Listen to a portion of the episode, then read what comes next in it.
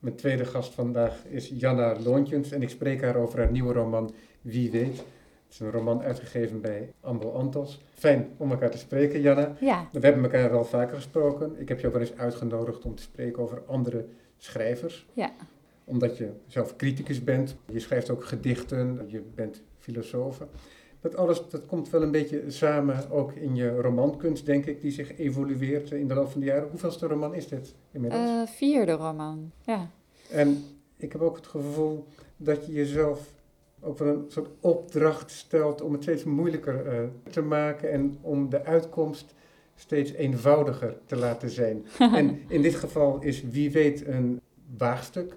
In die zin dat je te maken hebt met verschillende personages en de hoofdstukken krijgen allemaal een eigen stem.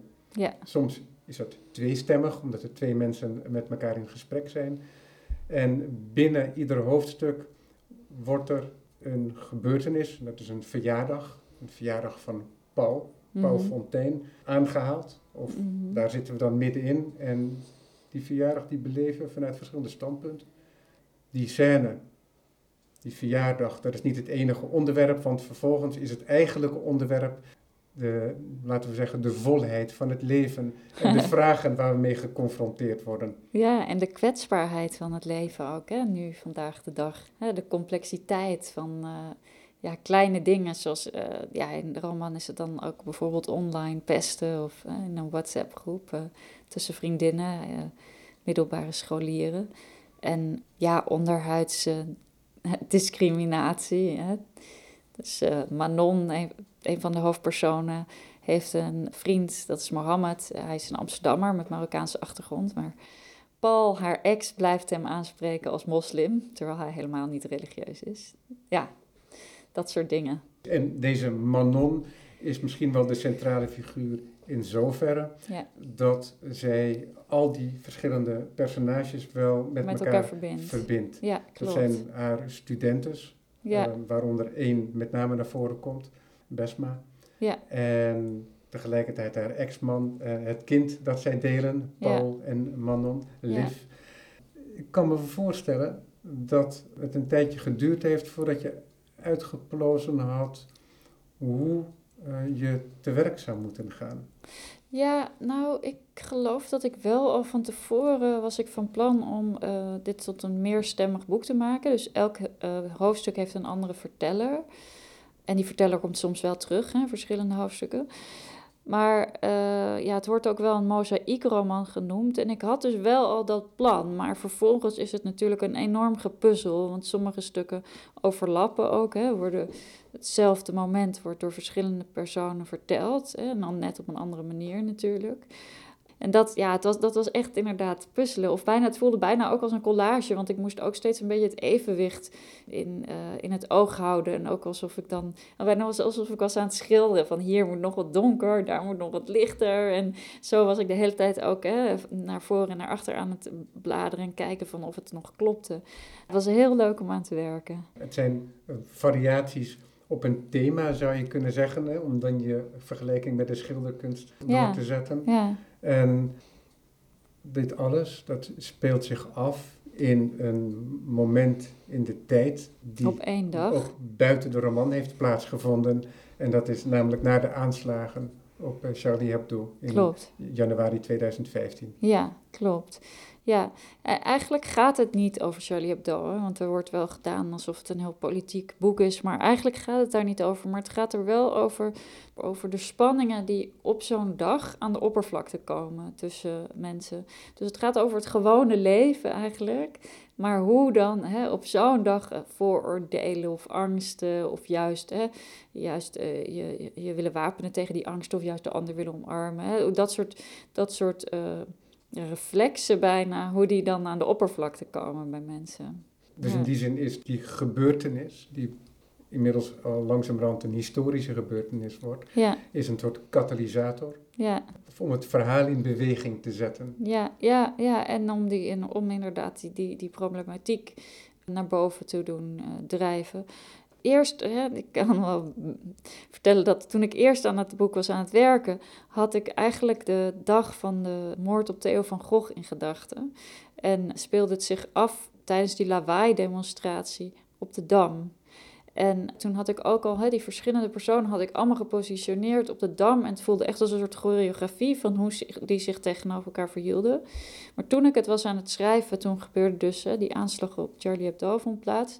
En toen was er die, die stille tocht naar de dam toe. En toen heb ik dat naar die dag toe verplaatst. En toen werd vervolgens die choreografie ook uiteindelijk in die stille tocht. Waar dan een deel van de personages lopen daarin mee en deel ook niet.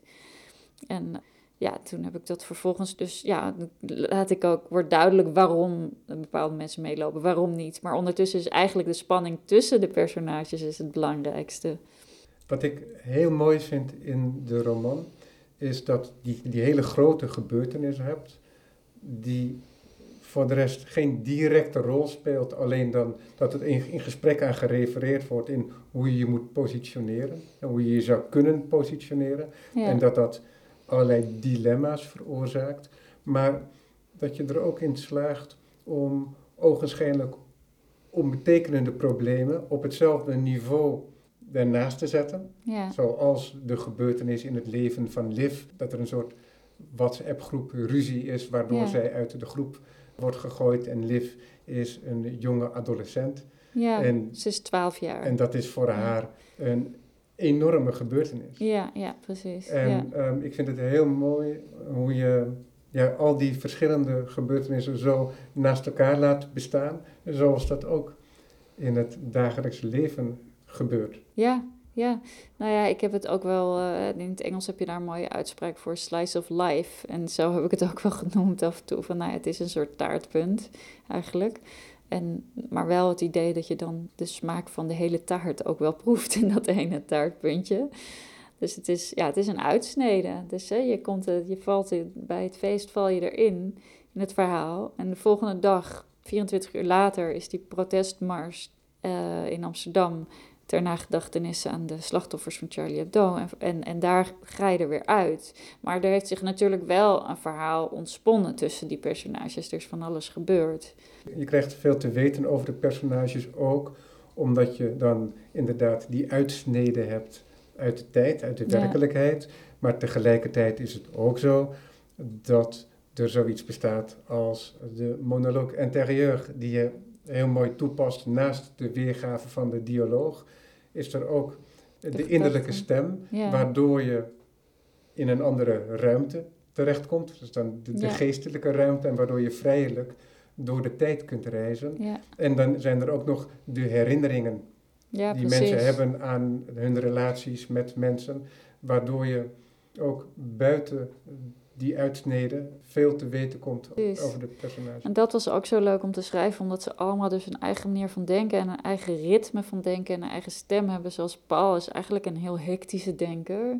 Denkt heel snel en een beetje. Hij is ook wel opgefokt hè, op een gegeven moment. Hij is ook kwaad.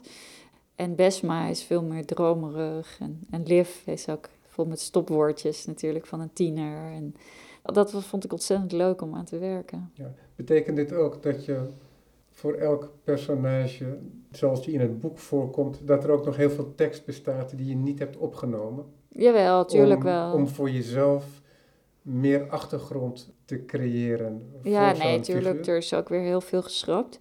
Maar het is wel ook dat, dat schrijven voelde bijna een beetje alsof als acteren. Ik ging echt zo helemaal. probeerde ik me als zo iemand te voelen. En soms hielp het ook om bijvoorbeeld bepaalde muziek te draaien. En zoals bij Paul draaide ik heel veel een beetje hectische jazzmuziek. Dat ik zo een beetje in die stemming kwam. Method writing. ja, eigenlijk wel, ja. ja.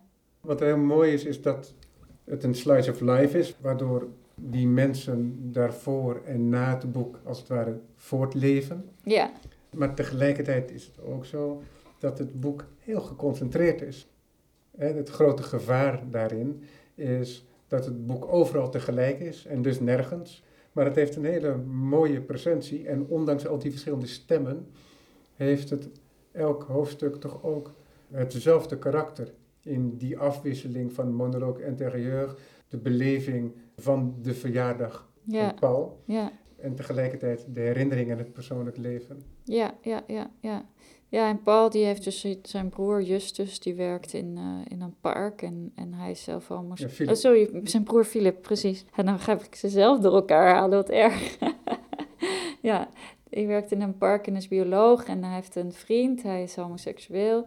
En uh, ja, dus die heeft een heel andere kijk op het leven dan uh, Paul, die, die voor een bank werkt en in de financiële wereld werkt. En uh, die Justus, waar ik het net over had, is eigenlijk collega van Manon. En uh, die werkt ook op de universiteit. Is een beetje een, grappig figuur eigenlijk, maar ook wel vrij. Maar ook... Hij is de modernisme-docent. Uh, ja. en, en, Manon is dan de literatuurwetenschapper. Ja. En, en, uh... Die zich bezighoudt overigens, en dat is denk ik wel kernachtig voor het boek, met context en betekenis. nou, een van haar studenten houdt zich daarmee bezig, hè? Besma. ja. ja. ja. Maar, um, god, wat wilde ik nou zeggen over Philip? Dat weet ik nu niet meer. Oh ja, dat, dat dus inderdaad in hun gedachten gaan ze terug. Maar je leert ook bijvoorbeeld in Manons gedachten, leer, je eh, ook bijvoorbeeld Mohammed weer op een andere manier kennen. Omdat zij dus ook denkt aan, aan de momenten dat ze verliefd werd op Mohammed, dat ze hem leerde kennen. En dus inderdaad, dus in hun, in hun gedachten leer je inderdaad die achtergrond van de personages ook meer kennen. Misschien zou ik dat stukje voorlezen trouwens. Ja.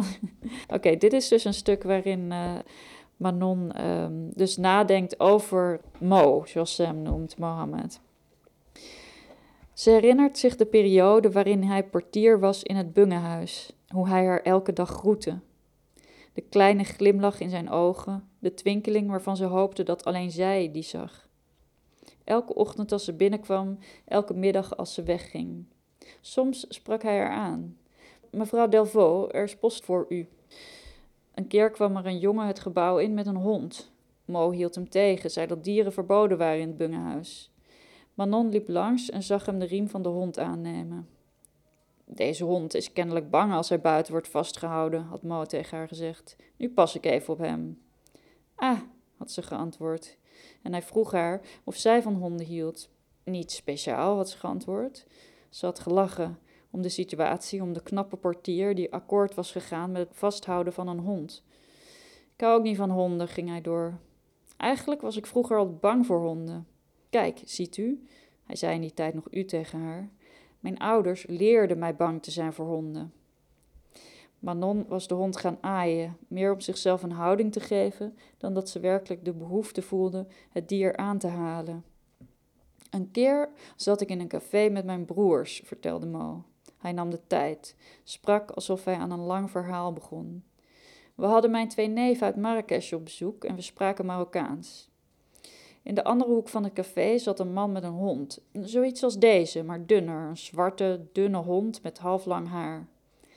Vanaf het moment dat we binnenkwamen staarde die hond naar ons. En niet lang nadat wij waren gaan zitten, liep dat beest op ons af en kwam bij ons zitten. Manon herinnert zich nog hoe Mo haar had aangekeken, met een blik in zijn ogen die leek te vragen of ze wel begreep waar hij het over had. Die hond zat bij ons, alsof hij bij ons hoorde.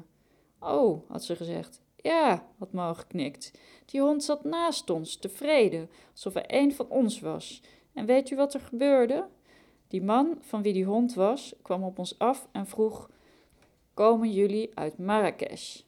Ja, zeiden wij. Man, we waren echt verbaasd. Hoe kon hij dat weten? Hij sprak ook geen Arabisch of zo. Het was een Engelsman. En hij vroeg ook niet: Komen jullie uit Marokko? Nee, hij zei: Komen jullie uit Marrakesh? Ja, dat kwamen we. Weet je wat hij toen zei? Hij zei: Ah, dat dacht ik al, want ik heb mijn hond uit Marrakesh meegenomen. Hij voelt zich thuis bij jullie. Die hond kwam gewoon uit Marrakesh, ging hij verder had ons gehoord, ons accent, had onze geur geroken en wist gelijk, die gasten daar, bij hen hoor ik. Ik hoor bij die mannen, zij zijn mijn thuis. Hij had tevreden gelachen. Sindsdien respecteer ik honden. ja. ja, een prachtig moment. Ja, en Mohammed die houdt dus heel, heel erg van vertellen. En dat uh, nou ja, komt op meerdere momenten ja, naar voren in het boek. Ja. Hij heeft allemaal van die verhalen die hij vertelt. En ook over dat zijn vader overleed. Ja. ja. Dit boek dat gaat over dilemma's waar we mee te maken krijgen. En ook de manier waarop wij, denk ik, ook wel feiten proberen te lezen. We denken al heel snel dat we weten waar iets over gaat. Mhm. Zoals Paul, terwijl hij ook in de protestmars meeloopt, duidelijk zegt dat hij weet waarom ze daar lopen. Want we verdedigen hier allemaal één boodschap en dat zijn namelijk onze waarden. Ja. En dat vind ik een hele grappige passage. Oh ja. Ja, en misschien wel ook typisch voor jou, omdat je daar op een hele serieuze wijze tegelijkertijd ook iemand zichzelf eh, hoort ontkrachten vervolgens. Ja. En dan, als ik dan zo vrij mag zijn dat ik die passage dan eh, lees. Ja. In hoeverre volg ik en in hoeverre beïnvloed ik deze massa? Dat is vast een vraag die Newton zichzelf zou stellen. Zijn wij werkelijk één massa of zijn we maar ook maar een deel van het grotere geheel? Is deze massa een gevolg van andere mensenmassa's, van de politieke en religieuze ontwikkelingen binnen de geschiedenis? Ja, laten we wel wezen, we demonstreren hier tegen een aanval op onze waarden, onze vrijheid. En dan gaat hij verder in de volgende alinea. Ja, die aanslagen bewijzen maar weer eens dat we er niet van uit kunnen gaan dat nieuwe deeltjes in een groep zich zomaar aanpassen aan de bewegingen van de grotere groep. Deeltjes die afkomstig zijn uit een andere cultuur, zullen die cultuur ook binnen het nieuwe systeem willen verdedigen. Dat is wat er gevaarlijk aan is. Tolerantie, openheid, het zijn mooie idealen, maar uiteindelijk blijven het vooral idealen.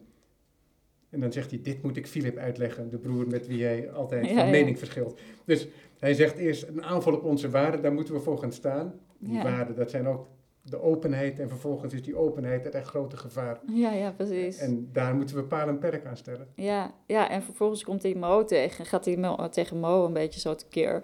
En dan zegt eh Mohammed, die zegt dan... Oh, en, en, en als wij Afghanistan bombarderen... Hè, dan gebeurt dat ook wel van, eh, om onze westerse waarden te, eh, te verdedigen. Hè. Zijn dat ook de waarden waarvoor jij hier loopt? Dus dan wordt het... eh, nou ja, goed, da- Ja. daar wordt hij heel kwaad van als Ja. hij dat Ja, zegt. de eeuwige dilemma's van het, het individu en inderdaad het, eh, het ondersteunen van een groter idee. En dat grotere idee, dat is als we het uiteindelijk proberen te benoemen amorf. Ja, Het gaat alle kanten op. Het kan van alles zijn en het is misschien voor elk in die massa misschien net iets anders. Ja precies, precies. Ja, ja, ja. Ja, in die zin is het dus inderdaad een soort mozaïek, hè, dit Ja, boek, eh, ja. puzzel. Ja, dat is iets kaleidoscopisch, maar het kaleidoscopische dat gaat dus ook voor het interpreteren van kleine gebeurtenissen. Ja, kleine, wat jij zegt ook al, van, nou ja, het hangt wel samen met eigenlijk met de grotere wereldpolitiek. En in die zin, dat is ook wel, het, was ook, het voelde ook wel als, als iets heel lastigs, want de hele tijd broeit die wereldpolitiek, of, hè, die, of die, ook het idee van, nou, ben je tegen, eh, tegen vluchtelingen of instroom van vluchtelingen of migranten of vooroordelen, al die, al die, eh, ehm, ja ideeën waar eigenlijk mensen helemaal niet heel duidelijk van weten van wat ze denken, maar die wel heel veel emoties oproepen, die wilde ik er toch allemaal in ja, boven laten komen. En ehm, zonder dat het een soort essay wordt of een traktaat of zo. Dus het moesten da da- daarom moesten de, die, die vooroordelen moesten kleine gebeurtenissen eigenlijk teweeg brengen. Ja. Dus zo heb ik dat, heb ik dat grote zeg maar in dat kleine proberen. De passage die ik zojuist voorleef, die gaat heel direct. Ja, eh, heeft dat betrekking op die aanslagen en Ja. de positionering ja daarna? dat is ook als hij in die mars Ja. loopt, hè, heeft hij die gedachte. Ja. Maar tegelijkertijd is het ook zo dat er allemaal kleine gebeurtenissen, zoals eh Liv meemaakt, eigenlijk dezelfde gedachten met zich meebrengen. En dezelfde eh, dilemma's met zich meebrengen. Ja, Of dat nu is dat conflict dat ze heeft met haar medeleerlingen, of een mooie passage ook van een meeuw die wordt overreden uiteindelijk. ja, ja Ehm. dat is dan is een vrouw, een Turkse vrouw die wil brood voeren aan de meeuwen en de, en de eenden eigenlijk in het water. En daar komen ineens komen er ongelooflijk veel meeuwen op dat brood af. Maar zoveel meeuwen dat allemaal mensen hè, uitwijken, maar ook op het fietspad hè, wijken fietsers uit, waardoor ze de weg opslingeren, waardoor auto's weer gaan remmen. En er is een soort chaos ontstaat daar door die meeuwen. En op een gegeven moment wordt zo'n meeuw dus aangereden. En Liv ziet dat gebeuren. En Liv ziet die meeuw dus op zijn rug liggen en ziet dat blanke witte buikje van de meeuw, dus een bolzacht buikje en, en de vleugels liggen, zoals zij zegt, als twee meloenschillen naast de, naast de meeuw opengevouwen. En zij fietst door en ze ziet dat en ze voelt zich ongelooflijk schuldig dat zij doorfietst. He, dus, en zij denkt op dat moment, hè, en dat, dat, is natuurlijk ergens ook iets filosofisch, maar ook gewoon hele pure gedachte. Ja, ik ben nu ook schuldig. Ik doe niks. Ik doe helemaal niks. Maar juist omdat ik niks doe, ben ik schuldig. Ik laat die meeuw daar gewoon doodgaan. Ik zou iets moeten doen. ja, ik vind dat zelf, hou ik ook erg van dat, die scène in het boek. Maar um, ja, dat zijn natuurlijk inderdaad, dat zijn van die kleine momenten waarin eigenlijk dan van die hele grote vragen hierbij dan een schuldvraag uh, naar boven komt. Ja, ja. Waar er ook nog een kleine knipoog naar Sartre in zit. Omdat, ja. omdat het die oude existentialistische discussie. Ja, ik had daar zelf niet aan gedacht, maar jij noemde dat net ook al. En, en, ja, want je, je, je, laat, je laat Liv inderdaad zeggen: ja, als je niks doet, dan ben je uiteindelijk ook schuldig. Ja, maar ik heb geen moment zelf aan Sartre gedacht toen ik het schreef, maar dat zit er natuurlijk. Het is grappig, als ik, als ik de lezer was geweest, had ik dat waarschijnlijk ook ingelezen, maar als schrijver denk ik dan daar nu. en dat wordt ook misschien nog een beetje ondersteund, omdat het motto waar het boek mee opent, uh, een motto is uit een van boek Simone. van De Mandarijn en van Simone de Beauvoir. Ja, ja, nee, dat is waar. Maar dat is ook, want ik, ik vind dat een, echt een fantastische roman van Simone de Beauvoir, De Mandarijnen. En deze zin, hè, die ik als motto heb gekozen, die eindigt met wie weet. En wat de, titel, van, van mijn boek is. En toen ik dat boek had uitgelezen, toen dacht ik, ik ga mijn roman Wie weet noemen. Dat besloot ik toen al. En ik was toen volgens mij al wel ermee bezig, maar nog helemaal niet ver. Dus ik had al in een heel vroeg stadium die titel. Zonder vraagteken dan wel. Maar zal ik, dit, zal ik het motto even voorlezen? Ja, graag. Of je verzinkt in onverschilligheid, of de aarde wordt opnieuw bevolkt. Ik ben niet gezonken. Nu mijn hart voortgaat met kloppen, moet het ook kloppen voor iets of voor iemand. Nu ik niet meer doof ben, hoor ik opnieuw dat ik geroepen word. Wie weet. Misschien ben ik eenmaal wel weer gelukkig. Wie weet. Dankjewel. Janna, we zijn aan het einde van het gesprek helaas al. Ik dank je voor je prachtige boek. Ik ga de mandarijnen lezen en ik raad iedereen aan om Wie weet te lezen. Een boek waar ik heel veel plezier aan heb beleefd. Dankjewel.